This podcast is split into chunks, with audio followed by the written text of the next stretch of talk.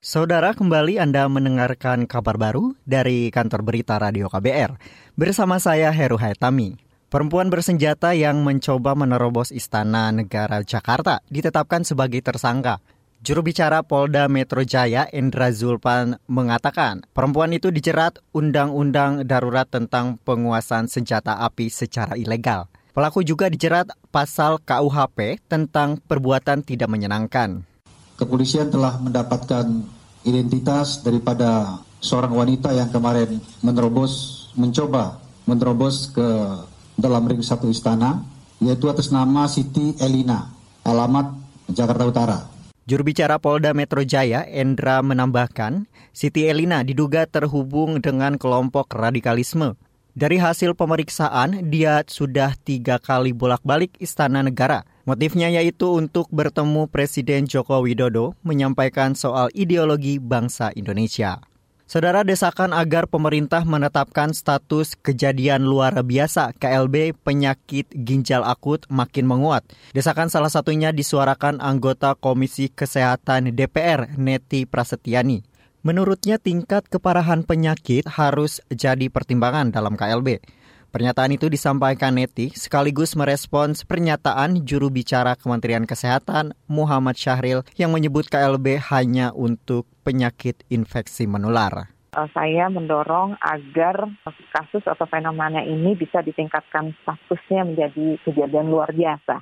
Karena kejadian luar biasa ini tidak identik dengan penyakit yang mewabah, tapi sebuah penyakit atau gangguan kesehatan yang melonjak kasusnya, kemudian angka kematiannya juga tinggi dan memerlukan penanganan yang uh, sistemik begitu ya.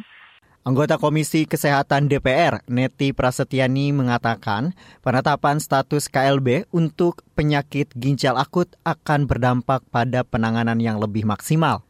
Sebab status KLB juga akan berkaitan dengan ketersediaan anggaran dalam penanganan. Hingga kemarin, ada lebih 250 kasus penyakit ginjal akut dengan 143 orang meninggal. Beralih ke informasi mancanegara, saudara marinir Korea Selatan menggelar latihan militer skala besar di perairan dekat Pohang di pantai timur Korea Selatan hari ini. Dalam latihan itu, Korsel membawa kendaraan lapis baja amfibi mengarungi pantai di bawah kapal perang patroli. Reuters melaporkan pengerahan pesawat amfibi dilakukan untuk mempersiapkan ancaman Korea Utara. Kolonel Korps Marinir Korea Selatan Kim Tae-wo mengatakan, latihan perang skala besar digelar untuk meningkatkan kemampuan respons jika ada misi penugasan. Ada ribuan tentara Korea Selatan dikerahkan untuk latihan tersebut – Korea Selatan dan Amerika Serikat mengatakan latihan itu bersifat defensif dan diperlukan untuk menghalangi Korea Utara.